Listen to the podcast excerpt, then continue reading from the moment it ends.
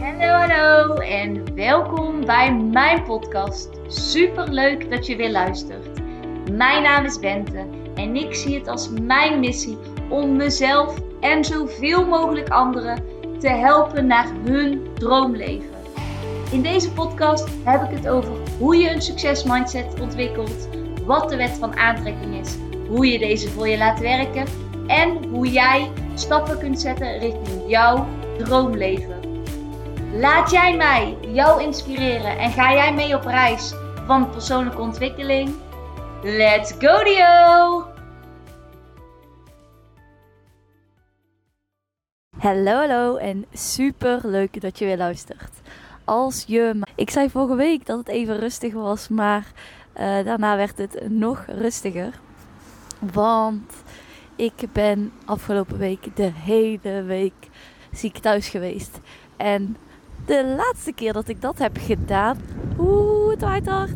Ik hoop dat je me kan horen. De laatste keer dat ik dat heb gedaan, is eigenlijk, en volgens mij ook de enigste keer, alleen in mijn burn-out geweest. En ik wil je met deze podcast graag meenemen in wat de afgelopen week mij heeft gebracht. Waarom ik me ziek heb gemeld en ja, wat, het, wat het me heeft opgeleverd. En een kleine side note. Um, zoals jullie wellicht weten, ik ben werkzaam in het onderwijs. En ongeveer twee jaar geleden, tweeënhalf jaar geleden, drie jaar geleden, um, heb ik een burn-out gekregen. Op 27-jarige leeftijd. Iets dat ik zelf nooit van tevoren had gedacht. En ook, ik had nooit gedacht dat ik ooit een burn-out zou krijgen. En al helemaal niet op zo'n jonge leeftijd. Dus ja, dat was voor mij op dat moment uh, heel confronterend. En ja, dat was echt iets wat ik nooit had verwacht. Ik vond het heel confronterend überhaupt dat het bij mij voorkwam, maar al helemaal op die leeftijd. En een patroon wat ik daarvoor heel erg had, was uh, altijd als ik iets van klachten had, ik had uh, geen stem of bijna geen stem, of ik had buikpijn of ik had andere dingen, dan ging ik altijd wel door. En dan vaak in het weekend of in de avonden ging dan ook weer vroeg naar bed, zodat ik de volgende nog fit zou zijn. En dan was ik vaak in het weekend of uh, in mijn vakanties uh, was ik dan ziek. Omdat ik eigenlijk gewoon door wilde gaan en ik twijfelde steeds van, was ik nou wel echt ziek ziek? En nou ja, toen kwam ik dus uh, twee jaar geleden in die burn-out terecht. En toen kwam ik eigenlijk tot de conclusie van wat ben ik nou eigenlijk aan het doen?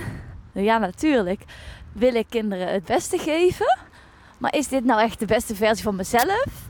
En ja, als je voor anderen wil zorgen, zul je eerst voor jezelf moeten zorgen. En er is niet voor niks dat gezegde van help eerst jezelf voordat je een ander kan helpen. En zo werkt dit ook bij school, werkt het ook voor jou als ouder. Wat voor voorbeeld wil jij kinderen meegeven? En met die intentie, plus het stuk dat ik gewoon ook echt beter voor mezelf wilde zorgen, um, besloot ik na mijn burn-out van soms moet je dus kiezen voor jezelf in het hier en nu. Misschien ben je nog niet ultra ziek. Nou, niet moet. Mag je kiezen voor jezelf? Mag je die bewuste keuze maken om te kiezen voor jezelf op het moment dat je nog niet doodziek bent? Want wie heeft nou eigenlijk bepaald dat je doodziek moet zijn om jezelf ziek te mogen melden? Jij bepaalt dat. En met die insteek was ik eigenlijk al anderhalve week. Merkte ik gewoon, het was, er was heel veel gebeurd in mijn leven. En mentaal was het gewoon echt even pittig. En op het moment dat, je, dat iets mentaal heel pittig is en je blijft even doorgaan, dan gaat het op een gegeven moment gaat je lichaam bepaalde signalen vertonen. En dan weet ik al van oké, ik ben eigenlijk over mijn eigen grens aan het gaan. En het is tijd om even op de rem te trappen. Tegelijkertijd merk ik dan ook in mijn systeem. Ook mij is altijd verteld: doorzettingsvermogen is belangrijk. Kom op, even doorzetten. Uh, niet zeuren, gewoon doorgaan. We kennen het denk ik allemaal wel. En waar zo'n instelling je soms ook helpt, kan het je op zo'n moment ook een beetje tegenwerken. Omdat ook ik dan stemmetjes in mijn hoofd heb van, ja, ben ik nou echt zo ziek? Ehm, ja, wat is nou handig? Uh, dan moeten andere mensen het weer oplossen ook. En toen ging ik weer even in de, probeerde ik weer even in de helikopter te gaan. En toen dacht ik, wat levert het me nu op als ik wel ga werken? Voor wie zou ik dan gaan werken? En wat levert het me op als ik thuis blijf? En zo. Toen ging ik eigenlijk nadenken van voor wie ga ik werken? Oké, puur voor de kinderen. Wat voor versie van mezelf ben ik? Hoe voel ik me aan het einde van die dag? Nou, nog slechter. Was de conclusie, dat wist ik al wel. Ik had super veel last van mijn keel. Ik moest ook gymles geven met kleuters in een grote gymzaal. Nou, dan doet mijn keel altijd al pijn. Sorry. Ja, praten over ziek zijn doet ziek zijn. Hè? Welkom met van de aantrekking. Maar um, en toen ging bedenken, wat zou me nou opleveren als ik thuis zou zijn? Nou, dan zou ik voor mezelf kiezen. Dan zou ik misschien ook sneller opgeknapt zijn. Dan zou ik meer rust hebben. Zou het me mentaal ook wat rust geven. Ehm, en uiteindelijk, wat geef ik dan kinderen mee? Dat je ook gewoon af en toe voor jezelf mag kiezen. En dat juist door voor jezelf te kiezen en door af en toe even je rust te pakken, dat je er dan daarna gewoon weer vol aandacht voor ze kan zijn. En toen dacht ik, ja, dat tweede is eigenlijk gewoon wat ik kinderen wil meegeven en ook mezelf gewoon gun. Dus ik besloot uh, mezelf ziek te melden maandag. En boy, that was a week. Want vervolgens merkte ik dus, naarmate ik mezelf die rust gunde, had mijn lijf alleen maar meer behoefte, meer klachten aan uh, rust, aan niks moeten. Want mijn stem en het hoesten werd eigenlijk elke dag slechter. En ik voelde me eigenlijk ellendiger. Ik kreeg ook koorts erbij. En het werd eigenlijk een soort griep. Griep heb ik eigenlijk nooit. Um, en toevallig had ik ook bij mezelf gedacht: Hallo, wet van aantrekking. Zo, het is best wel lang geleden dat ik gewoon uh, niet fit was. Dat ik eigenlijk al twee jaar gewoon uh, ja, amper had gehad. En tuurlijk had ik me wel, dat ik me wel zoiets niet fijn had gevoeld. Maar ja, echt ziek. Nee, dat, dat, dat eigenlijk niet. En bij mij is mijn lichaam altijd een hele goede, hoe zeg je dat? Graadmeter voor hoe het met me gaat. Dus, klassiek gevalletje van wet van aantrekking. Wat natuurlijk ook werkt als je aantrekt wat je niet wil. En ondertussen Misschien hoor je het ook wel aan mijn stem. Ik allemaal geluid op de achtergrond. Mensen die me aankijken. Oh, ik word me daar toch een partijtje ongemakkelijk van. Maar goed, we gaan gewoon door. En ik merkte dus dat die dagen thuis dat het me heel erg goed deed.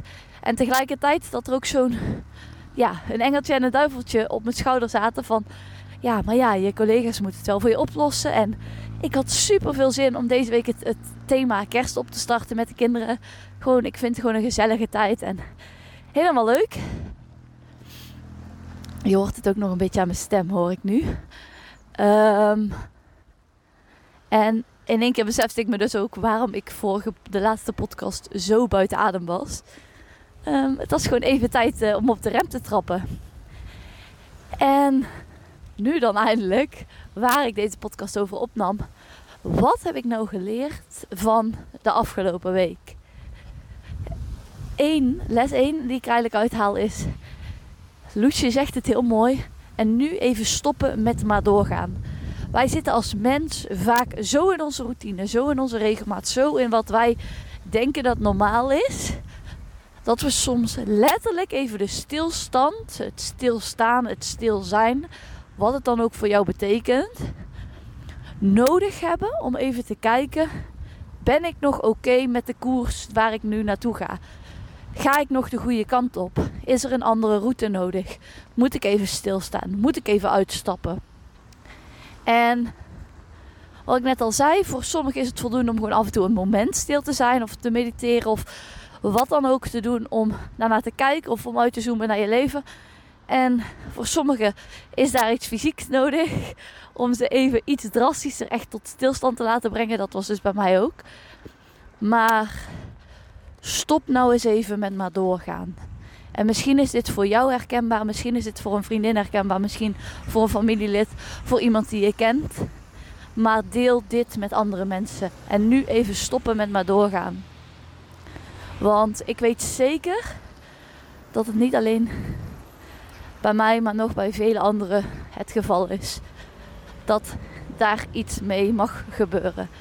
Even kijken. Ja, ik krijg voorrang. Dankjewel.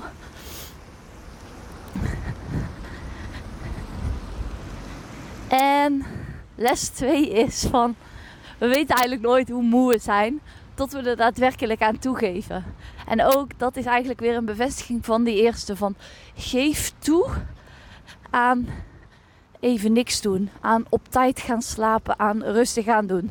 En nou moet ik zeggen, Kevin en ik zijn daarin eigenlijk heel goed. Want wij houden van lege weekenden. Wij houden van echt heel vroeg slapen.